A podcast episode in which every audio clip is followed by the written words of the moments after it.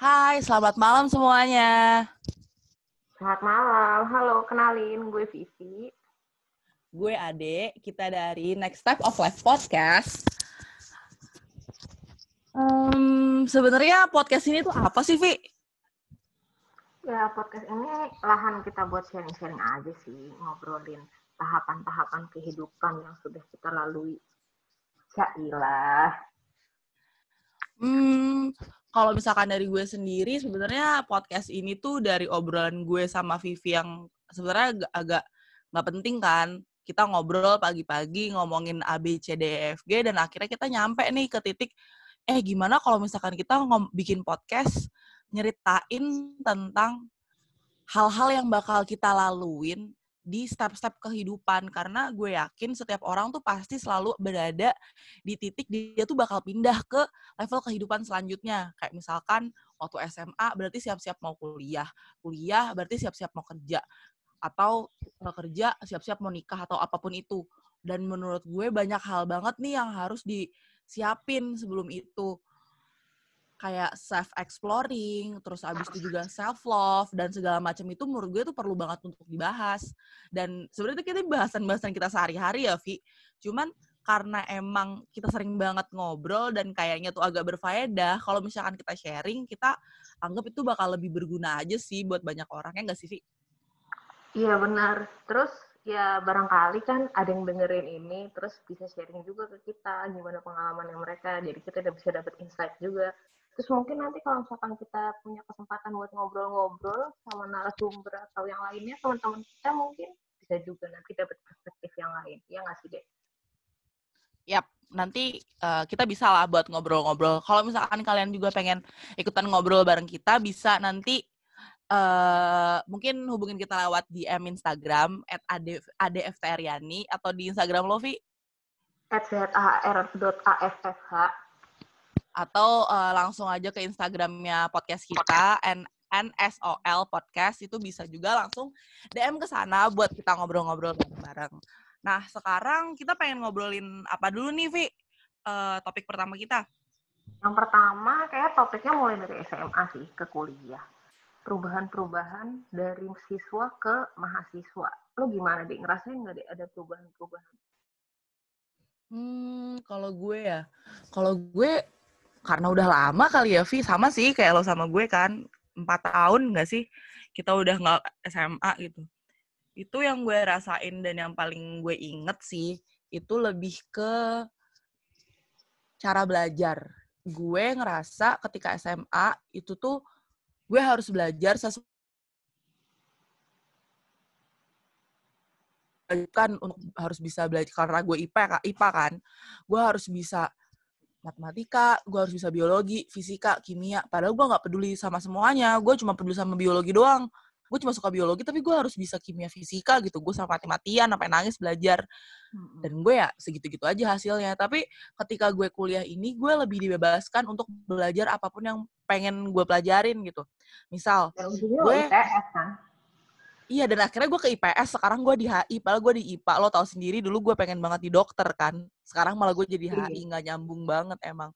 Tapi di situ gue ngerasain, misal gue belajar di HI, tapi gue tetap bisa belajar hal-hal lain yang menurut gue itu menarik, dan gue bisa mendapatkan itu. Bener-bener ada kebebasan dalam belajar sih menurut gue. Kalau lo sendiri gimana? Iya sih, sama. Tapi gue mungkin lebih ke model belajar juga, tapi bukan ke sana sih jadi waktu pas SMA itu gue ngaco banget kan lo tau kan belajar gue kayak gimana. Mau SBM aja santai banget. Iya, cuman gue doang yang belajar emang di bumi ini gue doang yang belajar. Tapi uh, pas kuliah tuh gue jadi sadar gitu loh gue tuh nggak sehebat gitu. Gue harus gue harus ngerancang ngerancang gimana cara belajar gue kapan gue harus belajar kapan gue harus nugas uh, terus yang berubah lagi itu gue lebih banyak bersosialisasi sama orang, gue ikutan organisasi. Ya waktu SMA gue hmm. ikutan sih PMR, tapi nggak banyak berimpact untuk gue gitu loh. Nah, kan tadi lo bilang nih, sobat bilang kan, lo uh, belajar belajar di dua tempat gitu, kuliah di dua tempat, sempat pindah. Nah, apa sih deh bedanya dari lo pas lo kuliah di tempat yang sebelumnya sama sekarang gitu? Um, menurut gue ya, kan dulu gue kebetulan di teknik dan gue background gue IPA dan gue pindah ke IPS sekarang gue di HI gitu. Yang gue rasain tuh beda banget sih Vi. Karena menurut gue ya belajar itu, nih gue definisi sendiri ya, belajar itu menurut gue adalah proses dari ketidaktahuan menjadi tahu yang didasari dengan rasa keingintahuan. Nah dulu, ini yang gue rasain dari semenjak SMA sih kayaknya. SMA sama kuliah waktu gue di geomatika, gue ngerasa adalah proses belajarnya itu cuman proses dari ketidaktahuan menjadi tahu tanpa ada rasa keingintahuan. Gue nggak pengen tahu tuh. Ya udah gue jadi tahu doang. Akhirnya gue nggak menikmati proses belajar itu. Nah, tapi ketika gue pas lagi di HI sekarang, gue tuh di fase di mana gue belajar dari gue tuh nggak tahu dan jadi tahu, tapi gue kepo. Gue pengen tahu itu tuh apa gitu. Dan itu tuh rasanya nikmat banget tahu ketika lo tuh penasaran sama sesuatu dan akhirnya ngerti gitu.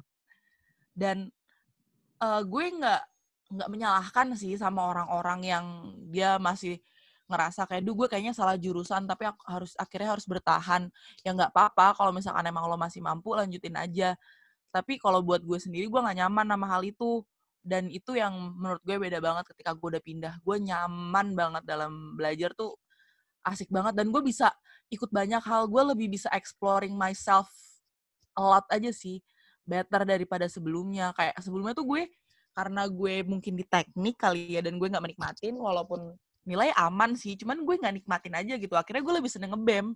Kerjanya gue ngebem mulu bukannya kuliah Nah, kalau sekarang tuh gue bisa ikut semuanya, ngerti gak sih, Vi?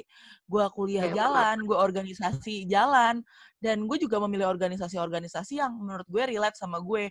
Di luar itu pun gue juga masih ngerjain project-project yang lain juga di luar. Dan itu tuh bener-bener atas kemauan gue sendiri, keinginan gue sendiri, dan rasa penasaran gue sendiri akhirnya semuanya jalan dan nikmat dijalaninnya gitu sih kalau gue tapi sebenarnya gini tau dek menurut gue ya uh, antara kuliah sama bem itu atau organisasi deh nggak mesti bem kan organisasi di kuliah banyak ya uh, itu hmm.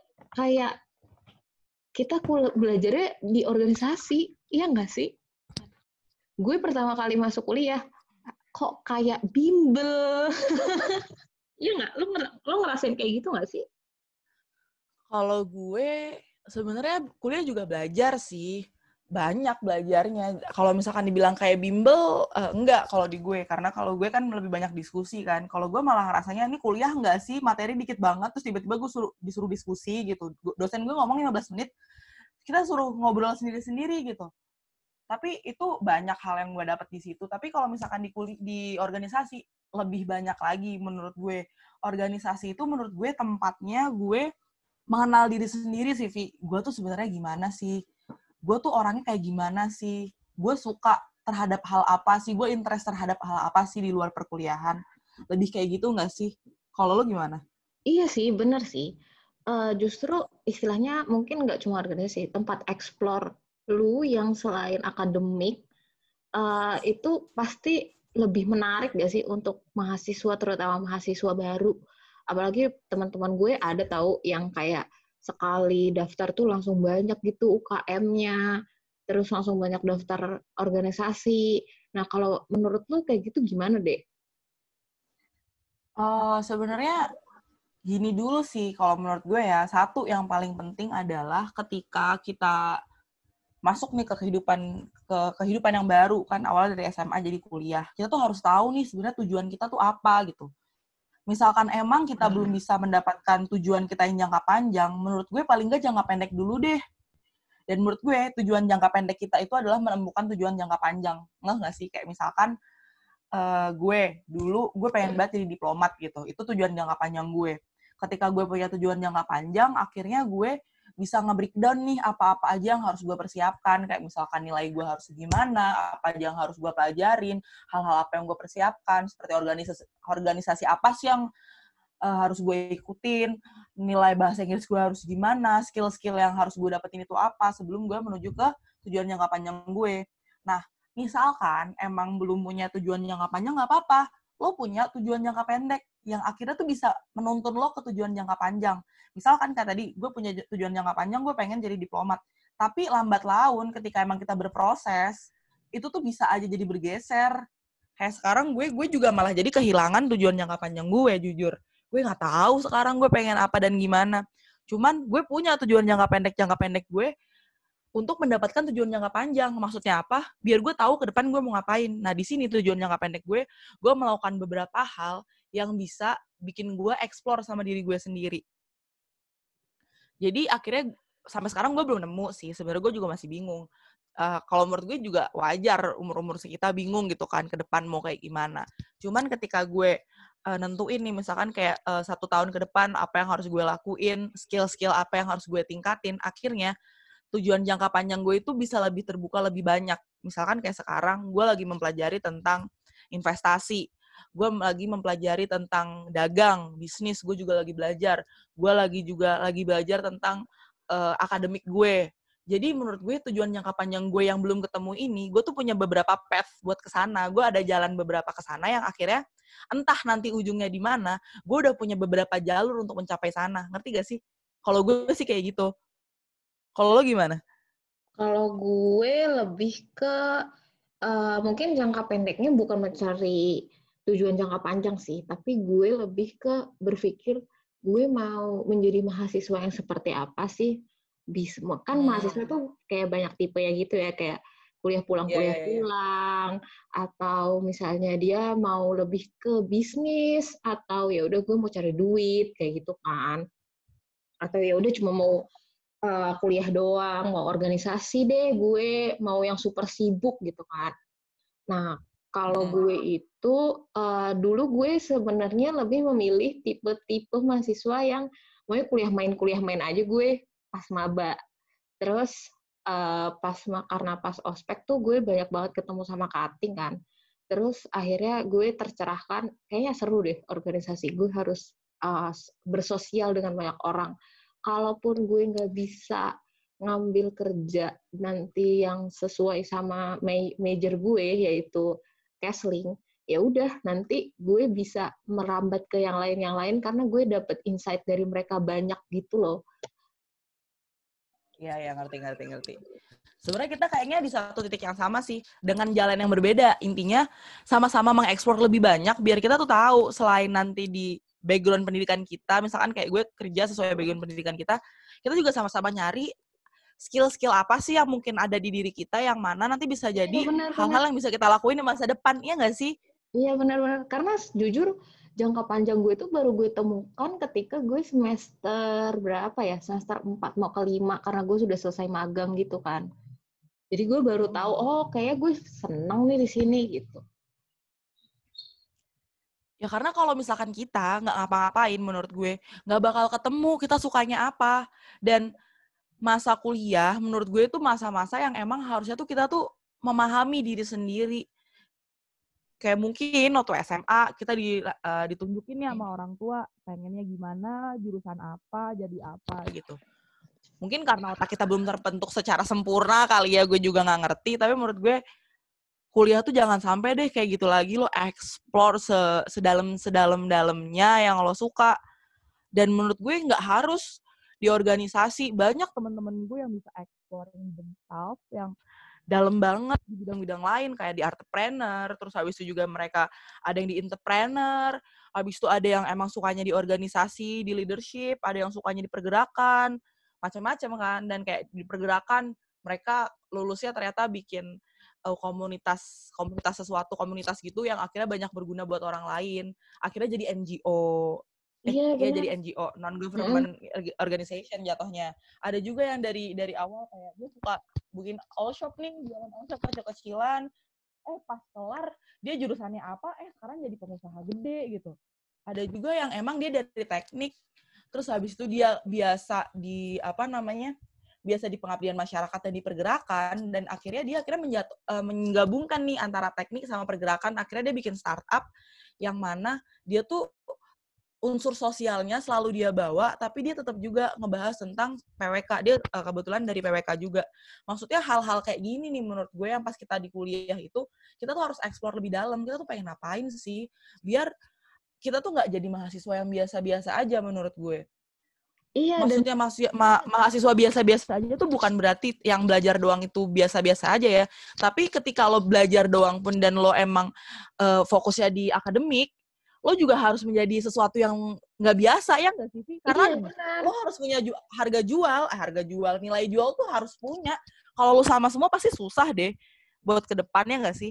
Iya, ketika lo misalkan lo hobinya belajar, lo melakukan penelitian, terus lo bisa publish ke jurnal-jurnal internasional atau nasional, itu keren loh. Maksudnya ya lo bisa punya nilai jual dan pengetahuan lo tuh nggak cuma buat lo doang, orang-orang lain juga bisa baca gitu.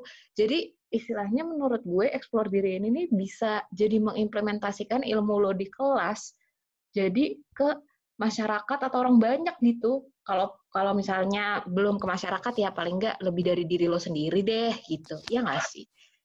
Iya benar benar. Tapi kalau lo sendiri nih Vi, dasar lo explore eh, mengeksplorasi diri lo tuh apa? Eh, dan lo bawa ide suatu idealisme nggak sih? Kalau gue sendiri ya, malah gue yang cerita. Nanti habis itu lo ya. Kalau gue sendiri, pertama kenapa gue harus explore diri gue ya tadi, gue pengen tahu sebenarnya eh, gue tuh bagus di mana, apa yang gue bisa. Gue pengen mengenal diri gue sendiri dengan dasaran setiap yang gue lakuin itu bisa berguna bagi banyak orang. Karena gue pernah nih Vi di titik di mana gue merasa gue tuh berguna dan itu tuh apa ya? eh gue tuh merasa satisfied-nya tuh lama banget. Gue ngerasa bahagianya, gue merasa terpuaskannya tuh lama banget Mhm. dibandingkan ketika gue misalkan dapat duit doang gitu. Itu beda banget. Kayak gue pernah waktu itu Mhm. eh, dulu waktu pas gue kuliah pertama gue di BEM gue di advokasi gue pernah ngebantuin orang gue nggak ngebantuin secara langsung loh Vi gue cuman ngebantuin kayak gue ngasih tahu step-stepnya nurunin UKT gimana Mhm. gue ngasih tahu gue dia harus ngehubungin ke siapa siapa siapa gue cuma ngasih tahu step-stepnya dan gue selalu follow up dia dia bilang kak kayaknya aku nggak bisa kuliah deh bi- biayanya mahal banget dia bilang kayak gitu. Terus habis itu akhirnya dia ngikutin gue saran gue diikutin semuanya diikutin step-stepnya akhirnya dia bisa nurunin UKT terus dia bilang gini terus dia bilang gini kak aku bisa kuliah makasih ya. Gila itu Iya. bahagianya parah banget gak sih? Dan itu akhirnya jadi gue Iya, iya. dasar gitu loh. Dasar gue kayak oke gue ngapain ngapa-ngapain gue harus bermanfaat. Gue ngapa-ngapain harus bermanfaat akhirnya gue melakukan banyak hal pun kayak gitu. Kayak misalkan gue ngeles gitu kan. Hmm. itu gue awalnya pertama dapat duit. Misalkan kayak gue ngeles. Mhm. gue ya emang nyari duit tapi menurut gue ketika gue ngeles ada manfaat juga yang gue bawa. Ada manfaat juga yang gue bawa di situ. Ada anak yang jadi bisa dan mengerti konsep belajar yang seharusnya menurut gue versi gue yaitu lo belajar harus dari nggak tahu jadi tahu atas dasar keingintahuan dan itu gue bisa membawa idealisme gue ke orang lain gitu loh. Dan itu mer- gue merasa bermanfaat. Dan itu gue terapin ke hal-hal lain. Ngerti gak sih kayak yang Iya, ya iya. itu punya dasar itu gitu. Kalau lo sendiri gimana?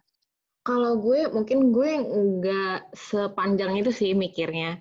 Tapi gue berpikir pertama-tama tuh kayaknya gue karena gue waktu SMA itu kalau dibilang ansos enggak, tapi sosialisasi gue tuh sangat minim lah gitu ya.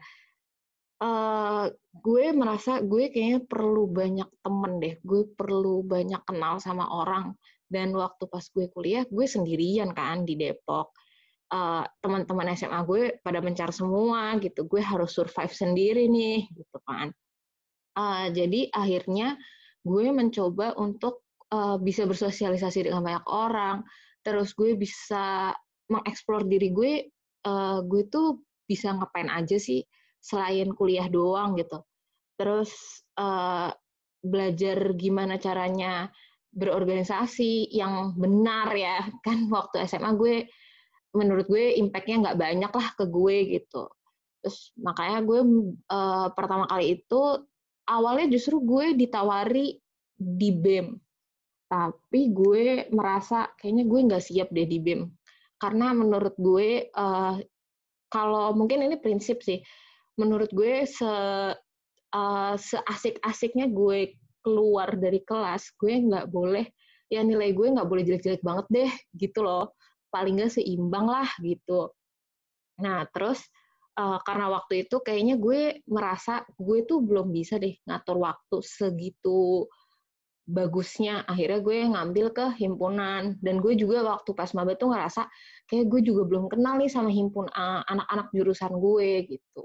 Jadi gue jadi mencoba melebarkan link, mengenal banyak orang. Nah dari situ tuh gue jadi banyak banget dapat insight dari mereka, banyak ngobrol sama mereka kayak gitu. Gitu sih kalau gue deh. Gue kok agak dalam ya. Atau sih kalau gue berpikir sampai ke sana. Cuman kayak sebenarnya balik lagi sih yang penting tuh ya itu kita beda kan kita punya beda alasan kita punya beda yeah, iya. prinsip yeah. gitu tapi ujungnya sama eksplor diri nah menurut gue satu CV yang paling penting you need to define yourself itu yang paling pertama iya yeah. entah yeah. apa pun itu entah bagaimanapun itu gitu iya entah sih, bagaimana kalau, caranya iya nggak sih iya kalau lu nggak tahu uh, lo maunya apa, tujuan lo apa, nanti tuh nggak ada arahnya gitu loh. Dan ujungnya kayak lo mencoba semua, terus abis itu lo hilang gitu kayak, wah gue nggak tahu, gue nggak suka apa-apa dari apa yang gue coba. Terus lo nggak dapet apa-apa ujungnya. Iya, bener. Kayak sebenarnya nggak apa-apa loh nyoba banyak hal, tapi mencoba yang terstruktur menurut gue.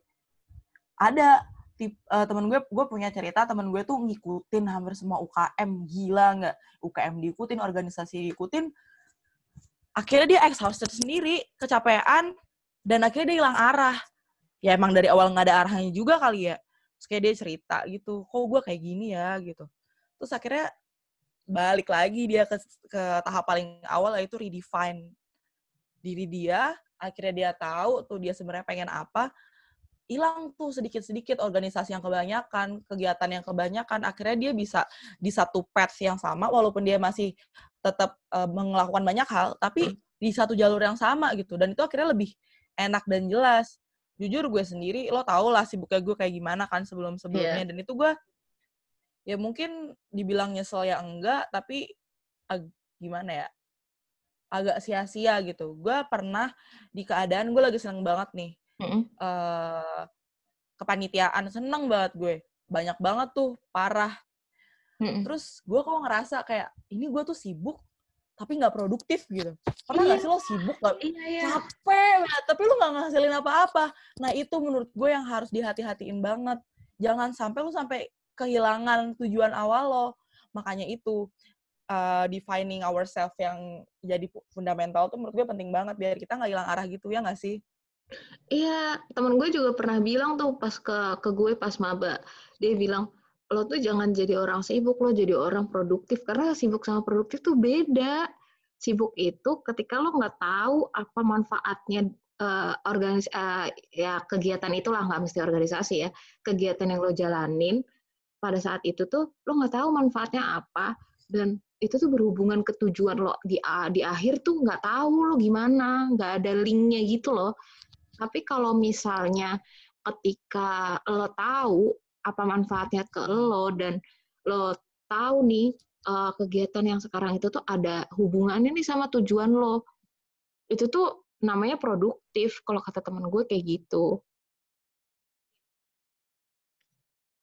Kalau lo sendiri masa-masa paling produktif lo tuh kapan, Vi?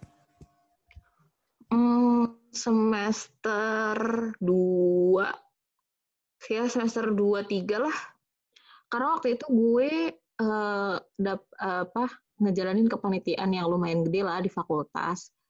Terus gue juga masih di himpunan gitu. Ya itu lumayan harus bagi waktu banget sih. Tapi di situ gue belajar banget tuh gimana caranya gue bagi waktu, gimana caranya gue uh, bagi pikiran gue yang harus kayak satu hari nih bisa gue ada rapat di jam yang sama, jadi gue harus uh, ikut rapat itu setengah-setengah gitu loh. Uh, itu tuh gimana caranya gue ngatur si waktu itu efisiensi, seefisien mungkin. Gimana caranya gue masih bisa belajar buat ujian, buat nugas, gitu sih gue. Nah, menurut, tapi lo lo ini gak sih Vi kayak merasa nyesel nggak kayak lo pernah secapek itu dulu atau ada sesuatu nggak sih yang lo dapetin ketika lo uh, seproduktif itu dan sesibuk itu? Yang lo dapetin untuk kehidupan lo sekarang apa? Itu kan masa lalu lo nih. Uh, yang berpengaruh ke kehidupan lo sekarang tuh gimana? Gue nggak pernah nyesel deh dan bahkan gue selalu ngomong sama ketua pelaksana uh, kepanitiaan itu gue bilang gue bersyukur kok lo minta gue ada di situ kayak gitu. Uh, karena ya itu tuh lumayan ngerubah gitu loh. Ketika di awal gue rapat gue termasuk uh, badan pengurus harian lah pada saat itu. Uh, ketika gue rapat gue itu cuma dengerin doang. Gue nggak ngerti. Jadi mereka udah ngomong sampai misalnya dia mereka udah ngomong sampai Z nih gue tuh masih di mana ya? Di L kayak gitu loh. Jadi gue tuh masih harus berpikir panjang gitu obrolannya mereka. Terus makin lama makin lama gue uh, ini kan gue apa namanya gue menyadari kalau gila ya banyak banget loh insight dari mereka yang baru gue dapet kayak gitu. Terus uh, tanpa mereka mengajari gue gue tuh jadi bisa belajar banyak gitu loh. Salah satunya yaitu gimana caranya gue ngatur waktu uh, bisa jadi gimana caranya gue ngatur mood pada saat itu. Pas gue lagi moodnya lagi berantakan terus gue harus rapat kan nggak bisa ya kan malu dong masa gue nangis nangis di rapat? Kan nggak mungkin ya.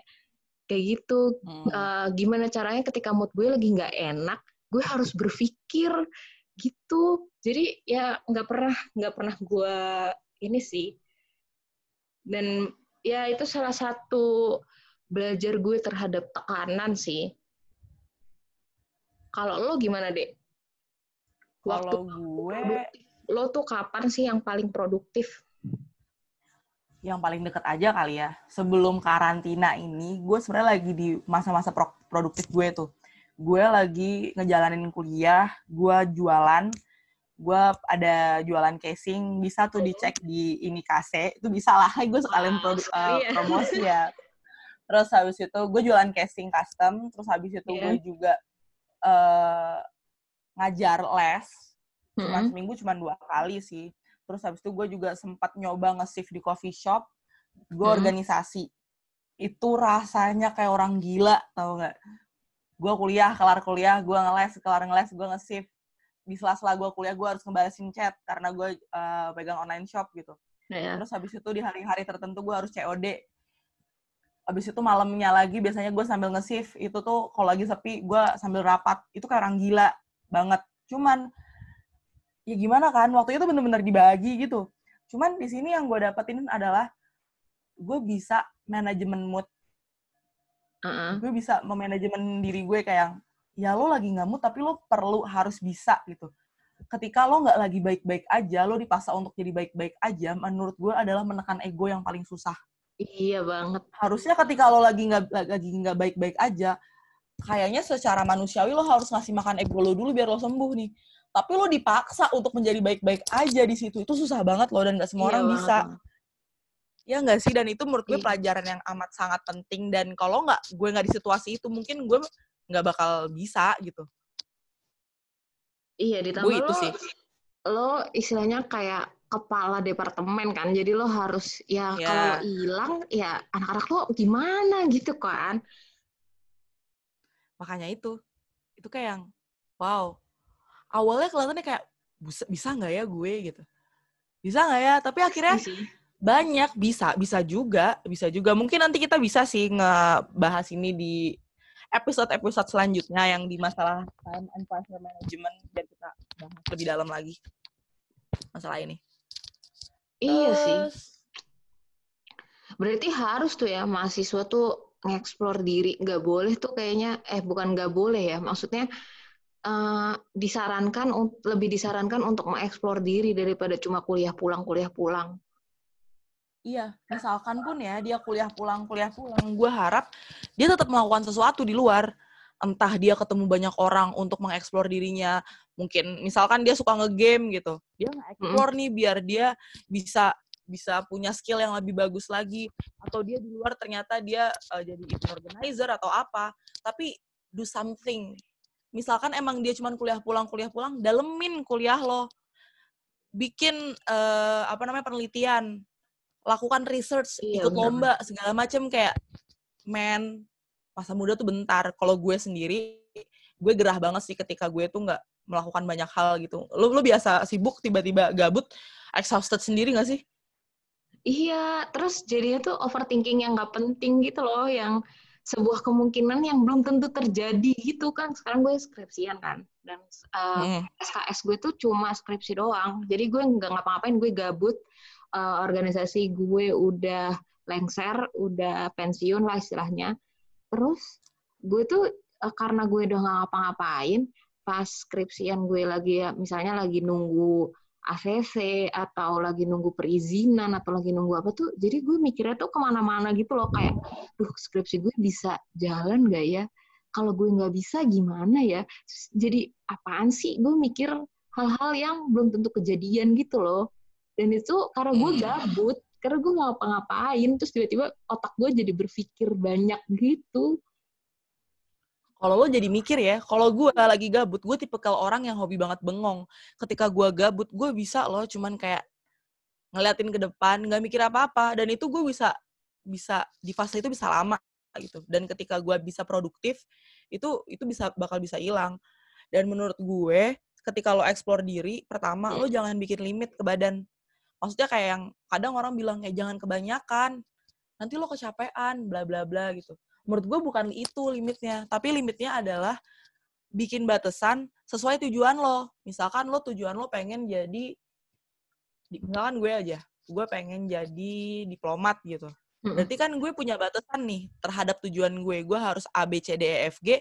Tujuan, apa namanya, organisasi gue, kegiatan gue di luar organisasi, itu tuh gue bisa bikin batasannya. Apa aja yang gue ambil dan apa yang gak gue ambil.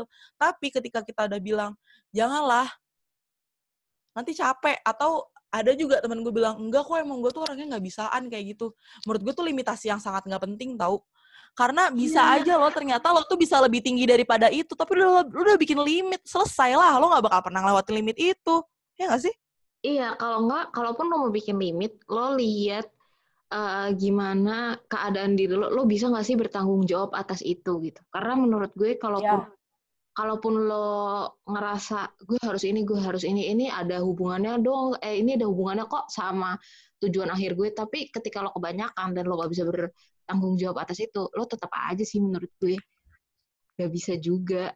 Iya gak sih? Ah iya benar. Dan masalah tanggung jawab juga lo bisa atau enggak karena ketika lo ngambil kebanyakan juga lo akhirnya setengah-setengah ngasilin sesuatunya Iya. Mungkin ada sih orang-orang yang bisa melakukan satu hal eh banyak hal di satu waktu gitu. Ya, Tapi kalau buat gue sendiri itu hebat banget sih. Tapi lo nah itu dia. Lo juga perlu nih tahu limit lo itu di mana. Misal lo cuma bisa megang dua organisasi dan kegiatan di luar satu. Udah cukup di situ. Dan tapi kan kalau misalkan untuk menuju itu pasti kan ada trial errornya dong untuk mengenali diri sendiri. Nggak apa-apa di awal banyakin trial error, tapi jangan kelamaan trial errornya. Iya. Iya kan? Iya iya ya cukup misalnya lo pertama kali nggak bisa tanggung jawab sama satu organisasi ya udah satu organisasi itu aja yang lo korbankan. Selanjutnya yang jangan. Lo harus berpikir ulang kalau mau ngambil berapa organisasi nih satu semester gitu misalnya. Ya nggak sih? Atau berapa kegiatan hmm. dalam satu semester gitu. Biar gue bisa dapat impact banyak dan gue bisa berimpact juga sama orang lain gitu. Tuh takutnya eh gue menceritakan ini karena gue pernah kan sesibuk itu dan pada ujungnya gue masih bilang kan gue sering curhat ke lo kan gue masih yeah. bilang gue ngapain sih Vi selama ini? gitu. Gue nggak dapet apa-apa loh gitu. Pada akhirnya tuh di situ dan gue nggak pengen sih teman-teman yang dengerin ini juga merasakan hal yang sama. Atau mungkin karena kita udah di satu umur yang sama dan step kehidupan yang sama mungkin ini udah lewat juga kali ya. Tapi ini menurut gue bisa masih bisa diterapkan di kehidupan kita selanjutnya pas waktu kita uh, cari kerja mungkin uh, atau kita pas lagi melakukan project-project di depan misalkan nggak nggak langsung kerja gitu nggak langsung kerja mm-hmm. di suatu pekerjaan mm-hmm. tapi dia akhirnya mencari explore yang banyak banget tapi akhirnya dia juga lupa limitasi menurut gue juga hal ini juga penting sih untuk nggak cuma masalah organisasi di, di kampus tapi untuk semua mm-hmm. hal ya nggak sih harus iya. ngerti limitasi lo tuh di mana iya bener-bener uh, kalaupun lo kebanyakan tuh lo jadi bingung gitu gue ya harus into ke mana ya kayak gitu loh. Betul betul betul. Dan kalau misalkan lo ke pekerjaan ya misalnya ah uh, yang ini gue jadiin gue apa gue jadiin sampingan aja deh.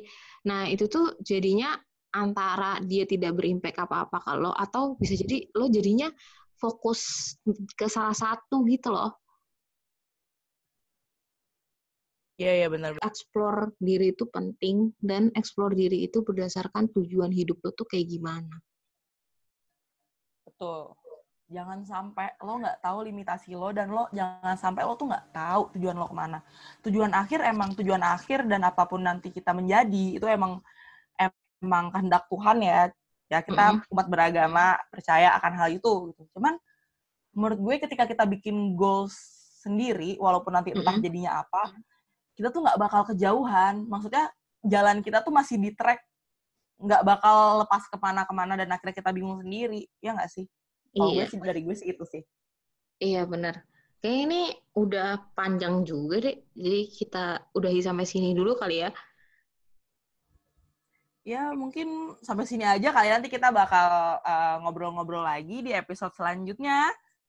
So stay tune terus di uh, next Stuff of Life Stuff podcast. of Life podcast. See you.